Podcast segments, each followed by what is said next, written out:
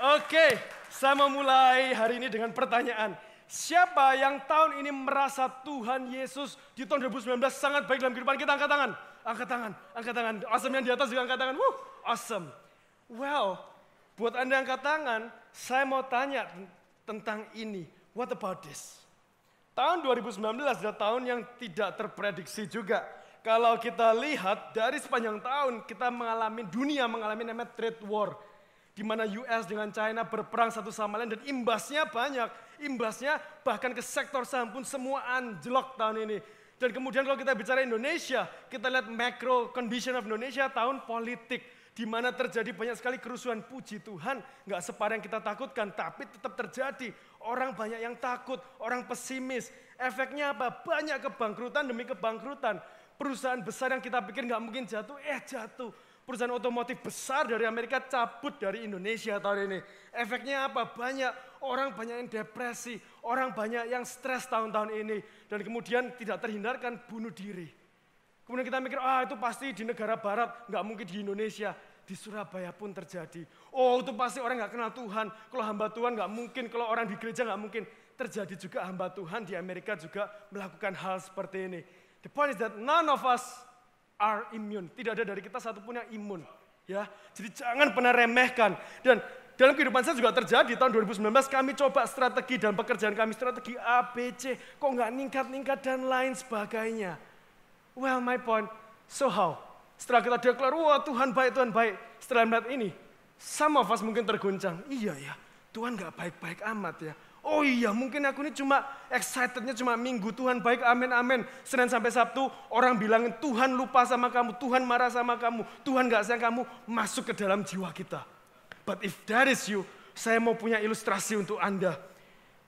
Bayangkan kita ilustrasinya, kita naik mesin waktu terbang ke tahun 90-an. Di mana semua serba terbatas gitu ya. Suatu hari ilustrasinya tidak terjadi beneran. Saya punya papa, mama, dan koko. Suatu hari mama saya pulang ke rumah Kemudian bilang, Van, saya dipanggil Van di rumah, mama baru dicobain dendeng enak dari Singapura namanya beceng yang. Wah, langsung saya, hah enak mah, enak banget barbecue. Papa pernah coba, papa pernah coba. Iya dulu tapi nggak sempat bawa pulang. Oh, enak pak, enak. Koko pernah coba. Uh, nggak pernah tapi pernah diberitahu enak. Pertanyaan saya, malam hari itu saya kira dendengnya enak atau nggak enak?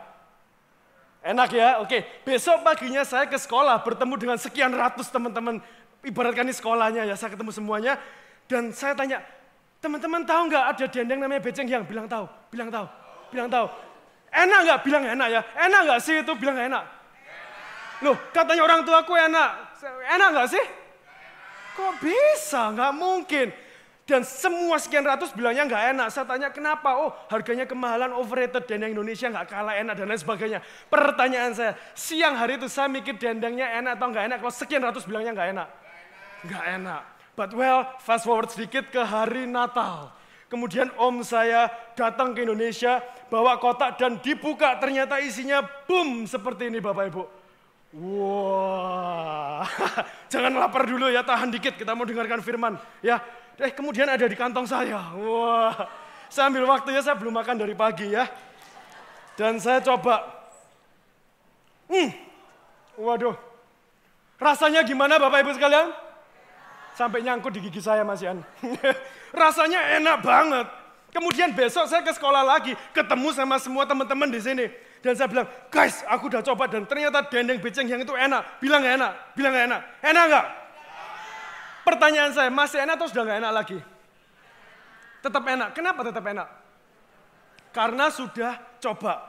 Dan mau orang bilang gak enak pun saya tetap merasa enak. And that's exactly what Christianity is all about, amen.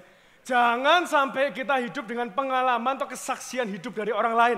Kita hari Senin sampai Sabtu, Tuhan bilang, Tuhan jahat, Tuhan jahat, iya, iya, iya. Hari Minggu Tuhan baik, Tuhan baik. Kita gampang shaken, gampang tergoncangkan. But that's not always, the, that's not the idea of Christianity, amen.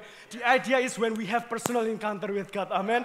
Itu yang membuat kita, when we sing the goodness of God, kita tahu dasarnya kita nyanyi apa. Kebaikan Tuhan yang kita rasakan dalam hidup Anda dan saya, amen. Dan ini saya mau testify bahwa God is faithful. Tuhan kita adalah Tuhan yang setia. Tapi sering kali kita sebagai anaknya, ini yang mau saya katakan, don't let temporary sufferings discredit or undo his everlasting faithfulness in my life and in your life. Amin semua. Sering kali kita sebagai anak Tuhan karena kondisi nggak enak kita langsung diskredit. Kita cancel. Ilustrasinya seperti ini. Hari ini kan hari-hari liburan. Saya sama istri saya seharian, oh saya sayang banget. Dia cerita apa saya dengerin. Kemudian dia minta pijet, saya pijetin. Dia minta makan, saya kirimkan makan seharian. Suatu sore hari, sore harinya, dia cerita apa, kemudian saya nggak dengerin karena saya chatting-chatting. Terus apa yang dikatakan istri saya? Ya, yang kamu ini seharian kok nyebelin banget. Dalam hati saya, dari pagi sampai siang aku sudah begitu sayang. Cuma sekali langsung saya diskredit sama istri saya. Sakitnya di sini Bapak Ibu sekalian. Gak ngerasain ya, enggak lah. Tapi enggak istri saya baik kok, nanti jangan dibully loh ya. awesome, it's okay. Tapi sering kali kita seperti itu, oh 2019 enggak enak, langsung Tuhan enggak baik. Padahal selama dekade ini Tuhan sudah begitu baik dalam kehidupan Anda dan saya, amin. Tapi saya terberkati juga ketika kami di ICU di Singapura, ada seorang kakek umur 70 sekian ya, istrinya sedang terkena cancer. Kemudian saya tanya, opa gimana rasanya? Ya saya down, siapa yang nggak down kalau istri sudah tidak ada harapan. Tapi Tuhan sudah begitu baik dalam kehidupan saya. 70 sekian tahun, anak, mantu, mertua, cucu semua diberkati, semua takut akan Tuhan. Masa hal kecil gini langsung saya pahit sama Tuhan. I don't have any reason to be bitter to God. Amin. Saya berdoa 2020 kita punya conviction seperti itu. Amin, FJF Surabaya. Itu kenapa? Saya encourage sekarang masih tanggal 29, masih ada dua hari. Why don't we di selama dua hari ini bikin kalender album kebaikan Tuhan dalam hidup Anda dan saya. Itu kenapa? Beberapa dari Anda dan saya yang kenal secara dekat, saya sukanya selfie wifi. Itu bukan saya sebagai budak konten ya teman-teman. Harus posting dan lain sebagainya. Tapi ketika saya lihat picture, saya bisa recall how good God is. I can recall the moment Tuhan begitu baik dalam hidup saya. Itu kenapa? Saya akan tunjukkan beberapa kaleidoskop saya di dekade ini. 2010 dimulai dengan ketika saya pertama kali mission ke Batam. Bayangin teman-teman, orang bahasa Jawa khotbah di Batam, PDC yang penting ya. saya di Batam, saya dipakai. Kemudian tahun di mana saya pertama kali I Care Leading di Singapura, di FGF Singapura, acara charity dan tahun di mana saya lulus kuliah juga dan tidak kebetulan tahun di mana saya ketemu dengan Pastor Ray, Cheer Hung, Joy and Marvel gitu ya. Jadi lihat tuh, Joy and Marvel was that small. Now he is taller than me.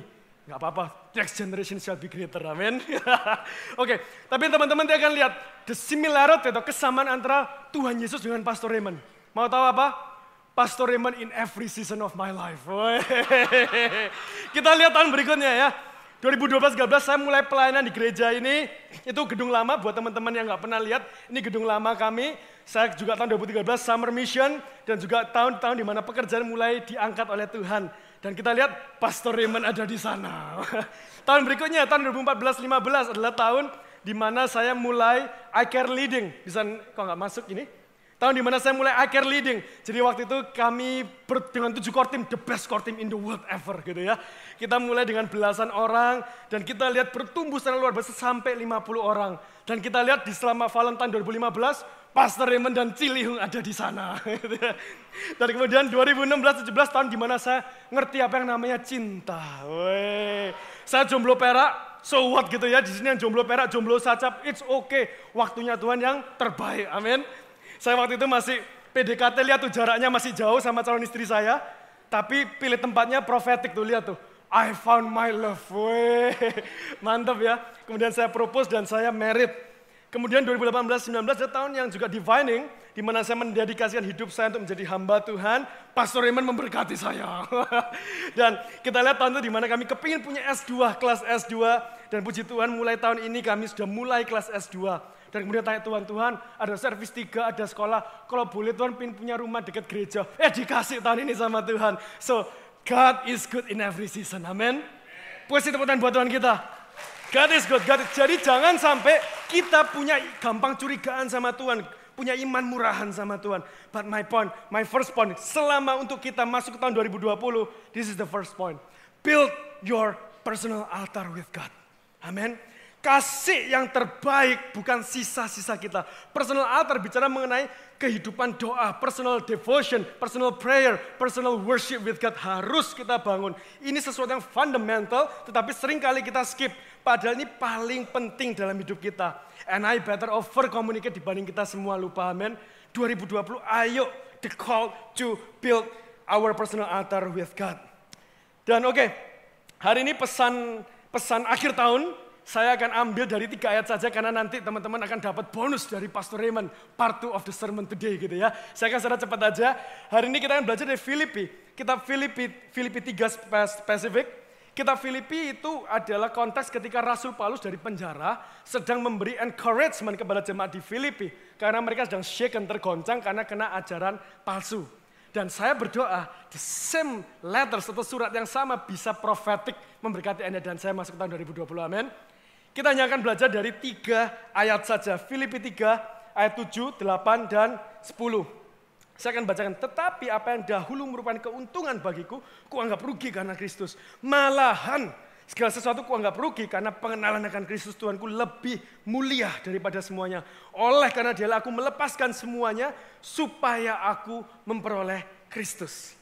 Ayat yang sering kita baca tapi kita akan dapat tiga poin dari dua ayat ini. Yang pertama, ayat 7a. Kalau kita lihat, Paulus mengatakan, whatever gain I had, I counted as loss.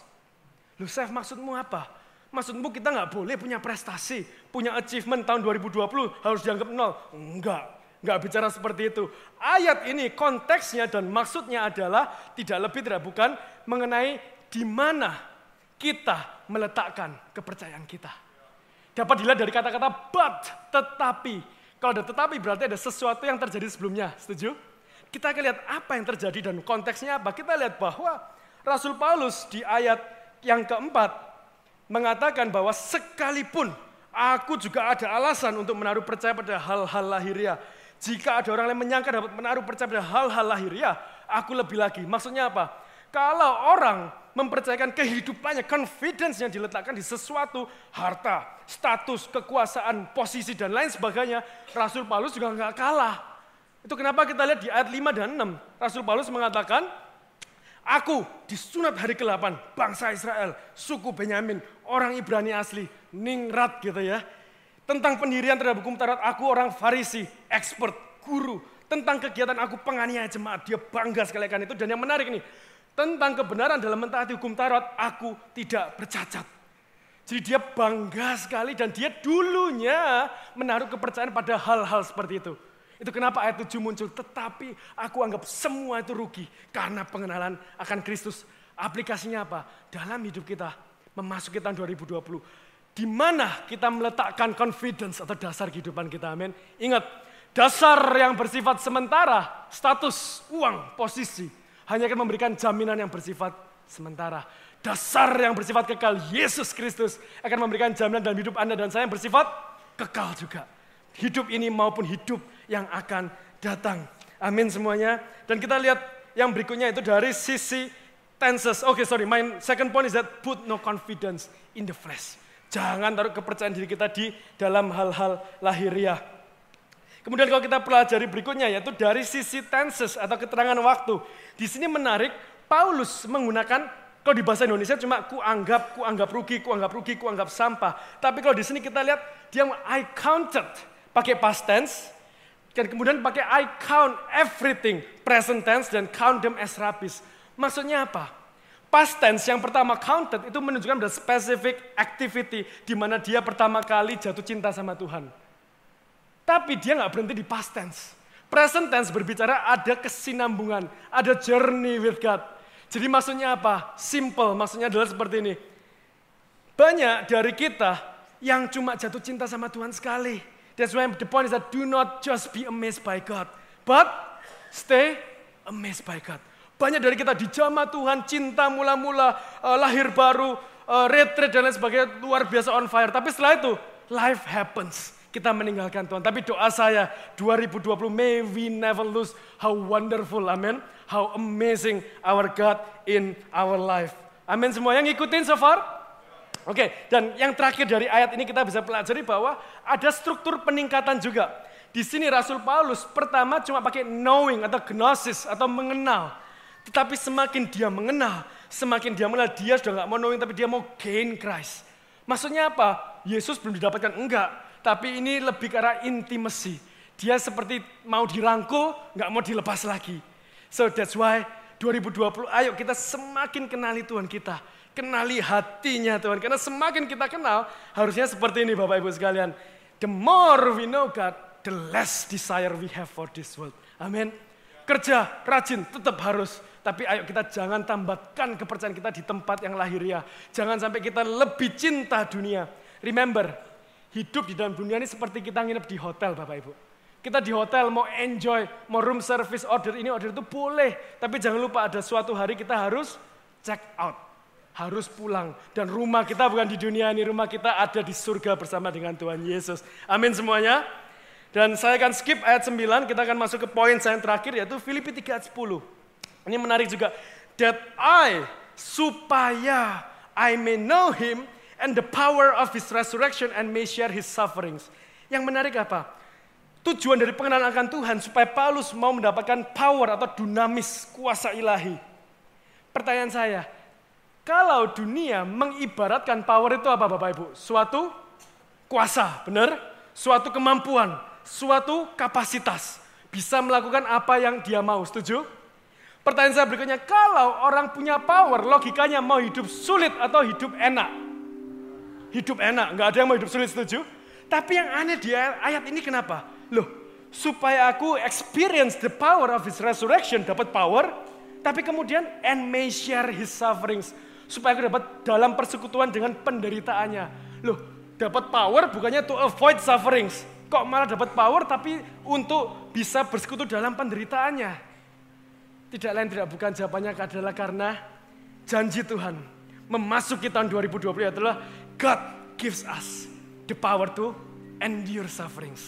Not to avoid sufferings. Amin Bapak Ibu sekalian. Yohanes 19 ayat 33 mengatakan apa? Di dalam dunia masalah pasti ada. Mau Anda mau seperti apa pun, status Anda, latar belakang Anda, nggak perlu doa Tuhan, nggak mau ada masalah. It won't happen. Tapi janji Tuhan dari Filipi 3.10 kita dikuatkan bahwa God gives us the power not to avoid sufferings. Tapi itu endure suffering. Amin Bapak Ibu. Saya akan tutup dengan kisah Natal yaitu kisah dari Maria, ibu dari Yesus. Saya percaya di posisi Maria nggak akan gampang dia menjalaninya. Kalau kita lihat, pernah nggak sih kita bayangkan kita taruh our position di posisinya Maria. Kalau saya lihat dia mengalami stres tiga level Bapak Ibu sekalian. Pertama stres dari diri sendiri. Bayangkan, kaget atau enggak tuh? Tahu-tahu enggak ngapa-ngapain, enggak hubungan pranikah dan lain sebagainya. Tiba-tiba hamil Bapak Ibu. Tiba-tiba hamil. Stres enggak? Stres. Dia pasti shock gitu ya. Meskipun dari kasih tahu malaikat engkau akan mengandung dari roh kudus gitu ya. Engkau akan mengandung Mesias gitu. Tetap crazy. Why me Lord? Kenapa aku? Selesai di sana? Enggak Stres level kedua dia datang dari calon suaminya Yusuf. Yang seharusnya dia bisa cari perlindungan, cari refuge gitu ya. Tolong Yusuf, aku mau tolong ono aku, aku bingung. Yusuf bukannya it's okay Maria, tapi dia apa? Mau menceraikan Maria. Berarti menceraikan bukan pernikahan ya. Zaman dahulu tunangan ataupun pacaran itu namanya cerai. Buat kita konteksnya diputus gitu ya. Jadi Yusuf mau memutuskan Maria. Galaunya seperti apa tuh Maria? sudah lagi mengalami hal nggak enak, mau diputuskan sama calon suaminya. Tapi kalau kita posisikan di posisi Yusuf juga nggak gampang sih Bapak Ibu. Coba bayangin kita di posisi Yusuf. Kita ketemuan, loh kok perutmu tambah besar? Siapa ini? Siapa ini? Terus Maria jawabnya, aku ini mengandung dari roh kudus. Yang cowok gimana? Gak gampang juga pasti. Ah, gitu ya. So, it's not easy to be married. That's why dia punya all the reasons untuk stress dan depresi. Bahkan stres yang ketiga stres dari orang lain yaitu ketika dia saya percaya pasti dibully habis-habisan di masyarakat. Dibilang, ah kamu ini alasan aja, ayo ngaku kamu, sama siapa kamu ini punya anaknya. Atau kalau konteks hari ini viral dia langsung, perempuan yang ngakunya mengandung dari roh kudus padahal hamil di luar nikah. Dia dibully habis-habisan, ancaman dikucilkan dari masyarakat, bahkan ancaman hidupnya bisa ditimbuk sampai mati oleh batu gitu ya. So my point is that Maria bisa saja stres. Setuju? Maria bisa saja depresi atau bahkan bunuh diri. But did it happen? Apakah itu terjadi? Of course not. Kenapa? Karena janji Tuhan, God gives us the power to endure suffering. Mari baik berdiri Bapak Ibu sekalian, kita akan segera worship Tuhan bersama-sama ya. Karena Tuhan janjinya selalu nyata. Kemudian Anda tanya, something is not right with your statement. Kamu mengatakan, Aku nih loh 2019, aku nih sudah mau hidup kudus, aku mau setia, aku mau meninggalkan semua yang gak benar. Aku ngikuti Tuhan dengan sungguh-sungguh. Kok hidupku gak enak?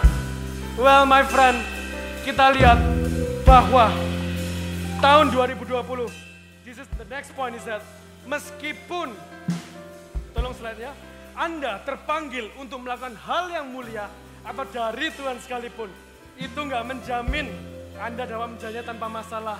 Amin Bapak Ibu. Masuki 2020 masalah pasti ada. Tapi Yesus memberikan jaminan bahwa dia akan memberikan kekuatan, kuasa ilahi, bukan kuasa dari dunia ini. Amin semuanya. Dan saya akan recap khotbah saya pada hari ini. Hari ini kita belajar in Christ alone. Memasuki 2020. Ayo, jangan anggap remeh. Build altar, bangun altar doa, altar penyembahan kita. Kasih best timing, best worship, best attitude, bukan leftover. Dan jangan taruh kepercayaan diri kita di hal-hal yang lahiriah.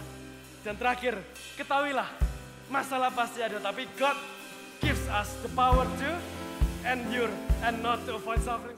Saya punya kebiasaan ketika kita mengakhiri tahun, saya mulai kumpulkan apa yang menjadi kebaikan Tuhan di dalam kehidupan kami.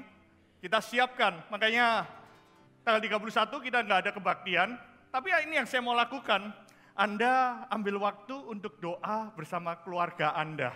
Jadi jangan dugem gitu ya, jangan uh, makan kebanyakan, apalagi sampai mabuk-mabukan menghabiskan waktu. Tapi saya ngajak kita semua ambil waktu untuk berdoa. Yes, Anda mungkin bisa makan, Anda bisa bersama teman-teman kalau keluarga Anda nggak merayakan tahun baru, cuma melewatkan dengan tidur gitu ya. Tapi ambil waktu untuk doa dan saya encourage setiap kita untuk sama-sama melihat kebaikan Tuhan selama 2019 ini. Saya percaya ketika kita bisa melihat 2019 ini, Januari, Februari, Maret, April, Mei, Juni, Juli, Agustus, September, Oktober, November, Desember, kita akan lihat that God is good. Amin, saudara.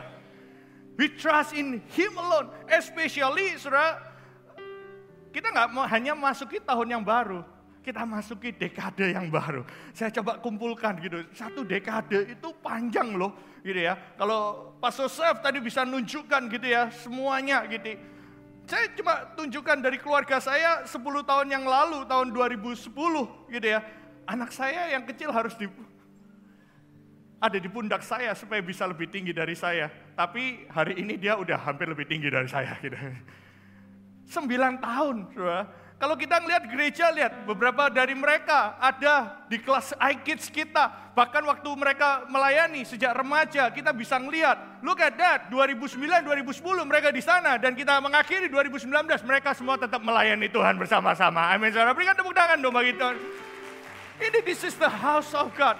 That's very important buat kita untuk stay in Christ alone. Kita mulai melihat kebaikan Tuhan in every season di dalam kehidupan kita. Makanya kita lihat bahwa Tuhan yang menguatkan setiap kehidupan kita. So mengakhiri tahun ini, saudara, kita akan latihan nanti pastikan Anda, kalau Anda bawa keluarga, Anda stay sama keluarga Anda. Kalau enggak mungkin sama teman Anda, sebelah kanan, sebelah kiri. Nanti kita akan sama-sama doa. Tapi sebelumnya saya mau kasih ayat firman Tuhan. Kalau tadi Pak Sosef mengatakan dari Filipi pasal 3, bagaimana kita melihat, menatap ke depan. Tapi saya sebagai pastor, saya Percaya gitu ya. Ini doa saya sebagai hamba Tuhan. Ini doa kita sebagai seluruh tim pengembalaan di tempat ini. Saya nggak bisa melihat bahwa apa yang Tuhan berikan itu secara jelas saat ini. Tapi saya percaya God is good. Amin.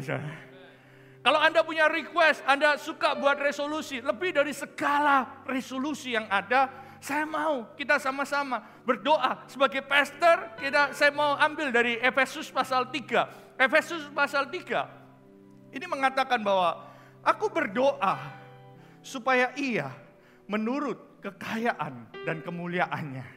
Ini doa dari lubuk hati kami yang terdalam, para pastoral team, tim pengembalaan. Saya berdoa buat setiap anak-anak Tuhan di tempat ini, setiap keluarga di tempat ini, setiap para singles yang ada di tempat ini, setiap para profesional muda, setiap anak, setiap orang tua, supaya Tuhan sendiri, roh kudusnya menguatkan dan meneguhkan kamu oleh rohnya yang ada di dalam batinmu. Amin saudara. Artinya apa? build your inner strength in your inner spirit. 2020, nggak ada yang janji tahun itu akan lebih baik, saudara. Gak ada yang menjanjikan pernikahan Anda mungkin tidak ada halangan. Tapi jangan naif. Gak ada yang menjanjikan bahwa bisnis Anda akan semakin bagus. Bahkan ada yang mengatakan ini akan krisis menjadi lebih besar.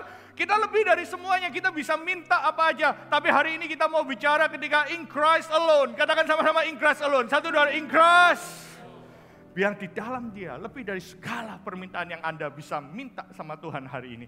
Doa saya buat Anda semua, jangan hanya membangun yang kelihatan dari luarnya baik, tapi bangun your inner strength. Yang setuju katakan amin.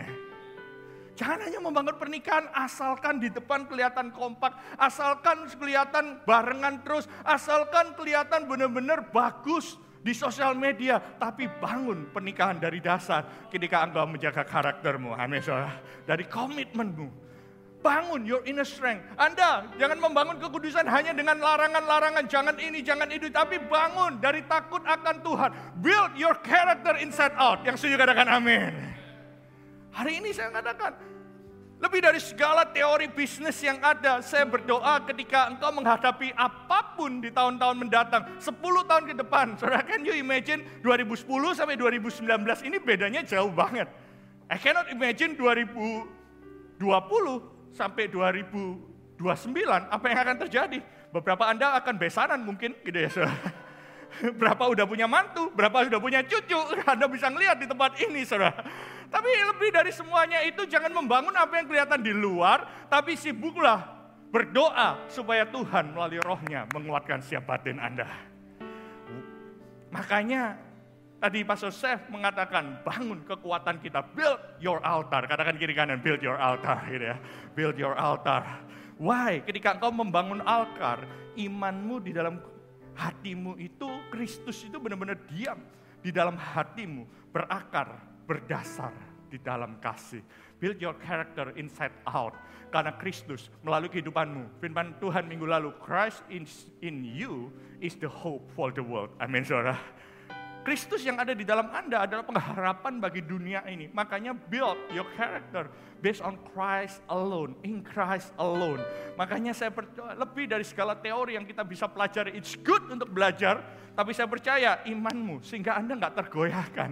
Sepanjang tahun, sepanjang puluhan tahun Tuhan berbuat baik, tapi Anda juga harus berakar. Nggak hanya dengar dari kata orang, tapi Anda merasakan. Ayat 18 mengatakan, supaya Anda bisa apa? Slide berikutnya di sini dikatakan, supaya kita dapat memahami. Beberapa dari Anda gak bisa memahami kasih Tuhan itu. Karena Anda melihat kasih Tuhan itu identik dari satu sisi. Benar ya? Kalau Tuhan menjawab doamu, Tuhan mengasihi Anda. Tapi ketika engkau menghadapi disiplin, engkau nggak bisa memahami itu. Kok Tuhan izinkan aku di sini? Tapi doa Paulus ini saya lihat. Sehingga engkau dapat memahami bahwa kasih Tuhan itu lebar, kasih Tuhan itu panjang. Anda nggak bisa ngelihat semuanya sekaligus. Kalau saat ini belum masuk akal Anda, berarti akal saudara yang belum bisa memahami cara kerja Tuhan. Bukan berarti Tuhan nggak mengasihi kita. Yang setuju katakan amin. Kasih Tuhan itu tinggi, melebihi segala sesuatu, melebihi segalanya. Dan kasih Tuhan itu betapa dalamnya, menembus segala kekecewaanmu, menembus segala kesakitan hatimu sepanjang beberapa tahun ini. Menembus segala benar-benar kepahitan yang kau miliki. Dalamnya kasih Kristus. Anda bisa melihat dimensi yang lain dari kasih Kristus. Bahkan kau bisa kata, thank you Lord, this is not good right now. Karena ini is not the end. Because kalau ada akhirnya, semua akan indah pada waktunya. Amin, saudara. Saya berdoa kita bisa memahami sehingga one day kita bisa mengatakan now I see. Aku bisa melihat. Aku bisa memahami dimensi kasih Tuhan. Dan ayat 19 mengatakan aku dapat mengenal kasih itu sekalipun dia melampaui segala pengetahuan. Aku berdoa, saya berdoa buat Anda sekalian di tempat ini. Supaya kamu dipenuhi dalam seluruh kepenuhan Allah. Yang setuju katakan amin. Bahasa Inggrisnya The Message mengatakan demikian. I ask him. Ini jadi doa saya. Jadi doa saya mengakhiri tahun ini gitu ya.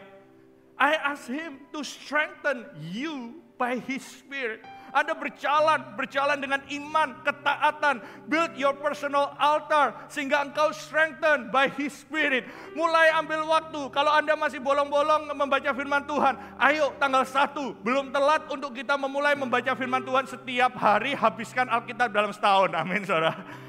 Belum telat untuk membangun altar kita, untuk kita worship God every day. Kita belum telat juga kalau Anda mau ikut, kita ada doa puasa selama 21 hari di awal tahun.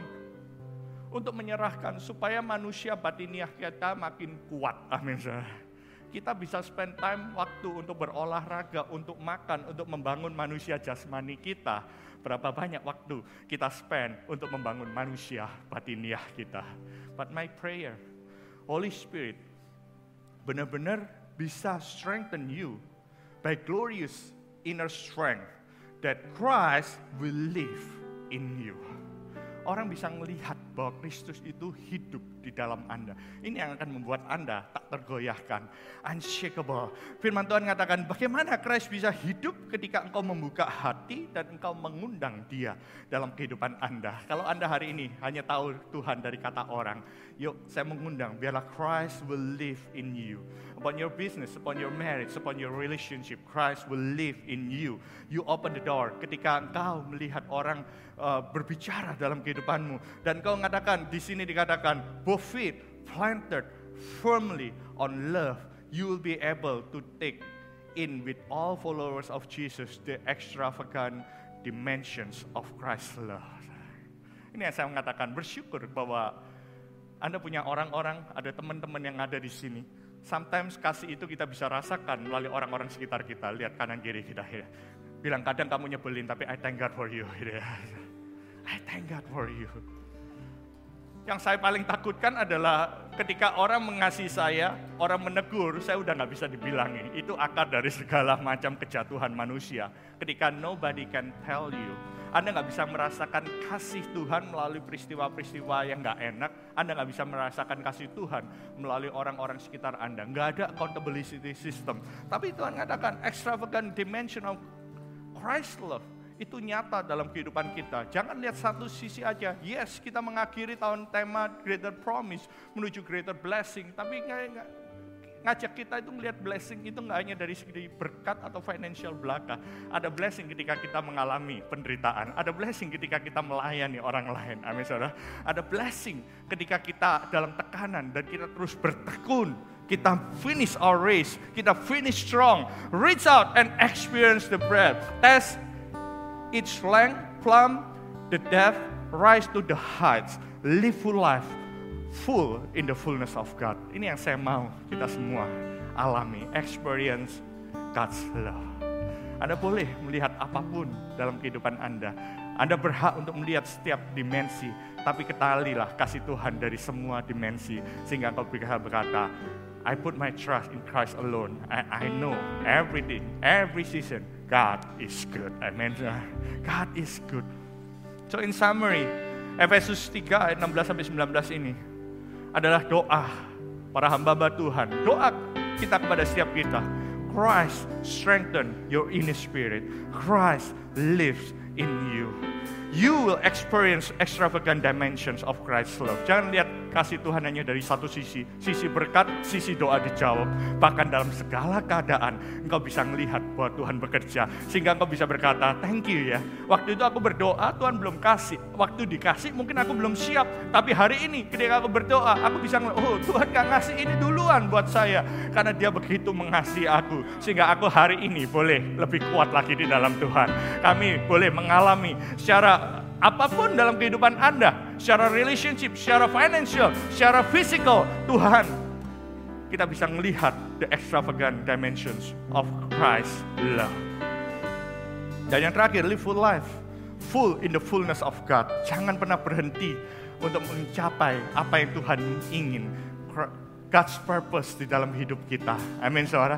Ketika Kristus hidup di dalam Anda, maka Anda bisa mengatakan, Efesus 3 ayat 20 ini. Banyak orang suka ayat ini, tapi nggak ngerti konteksnya. Akibatnya ayat ini diminta hanya untuk memenuhi kedagingan kita, memenuhi ambisi. Tapi saya ngeliat, yuk kita lihat dengan pengertian bahwa ketika Kristus hidup di dalam kita, kita bisa melihat hal-hal yang besar di depan mata. Amin saudara. 2020 and beyond, doa saya dia dapat melakukan jauh lebih banyak daripada apa yang dapat kita doakan atau pikirkan. Doakan, mulai pikirkan. Dan Tuhan akan melakukan bukan dengan memaksa, tapi kuasa yang bekerja di dalam kehidupan kita. Holy Spirit works in your life. Saudara. 2020 saya percaya, mari kita membangun kehidupan kita Waktu Yesus datang 2000 tahun yang lalu, dia diam di tengah-tengah kita. Tapi waktu Yesus naik ke surga, dia mengatakan, aku akan diam di dalam hidupmu. Melalui apa? Melalui Holy Spirit. Izinkan dia berbicara. Every day, every season in your life. Supaya kuasa Tuhan bekerja di dalam kita. Saya mau kita sama-sama yakinkan diri kita sendiri bahwa Tuhan dapat melakukan jauh lebih banyak daripada apa yang dapat kita doakan dan pikirkan. Ya sama-sama kita bangkit berdiri yuk kita kita uh, deklarasikan ayat ini. Saya percaya berapa minggu yang lalu saya minta anak-anak muda anak-anak youth untuk mendeklarasikan ini bahwa Tuhan sanggup melakukan jauh lebih besar apa yang dapat kita doakan dan pikirkan. Masalahnya sering kali kita nggak tahu apa yang kita doakan dan kita nggak mau mikir apa yang harusnya kita pikirkan. But God can do miracle in your life. Amin saudara. Yuk kita baca sama-sama satu, dua, tiga. Bagi yang dapat melakukan jauh lebih banyak daripada apa yang kita doakan atau pikirkan seperti yang ternyata dalam kuasa yang bekerja di dalam kita. Satu kali lagi, bagi dialah satu, dua, tiga. Bagi melakukan jauh lebih banyak daripada apa yang kita dapat doakan atau pikirkan. Seperti yang ternyata dari kuasa yang bekerja di dalam kita. Lihat kiri kanan Anda, katakan pada teman Anda bahwa dia dapat melakukan daripada kamu doakan. Yuk, satu, dua, tiga. Bagi dialah jauh lebih banyak daripada yang kamu doakan atau pikirkan. Seperti yang ternyata dari apa? Kuasa yang bekerja di dalam diri kamu. Katakan teman-teman, satunya lagi. Satunya lagi, sebelahnya lagi. Katakan sampai dia yakin. Satu, dua, tiga. Bagi dapat melakukan jauh lebih banyak daripada yang kita dapat doakan dan pikirkan seperti yang ternyata dan kuasa yang bekerja di dalam kita. Kata kita diganti nama saya, semua bilang Remon ya, gitu ya.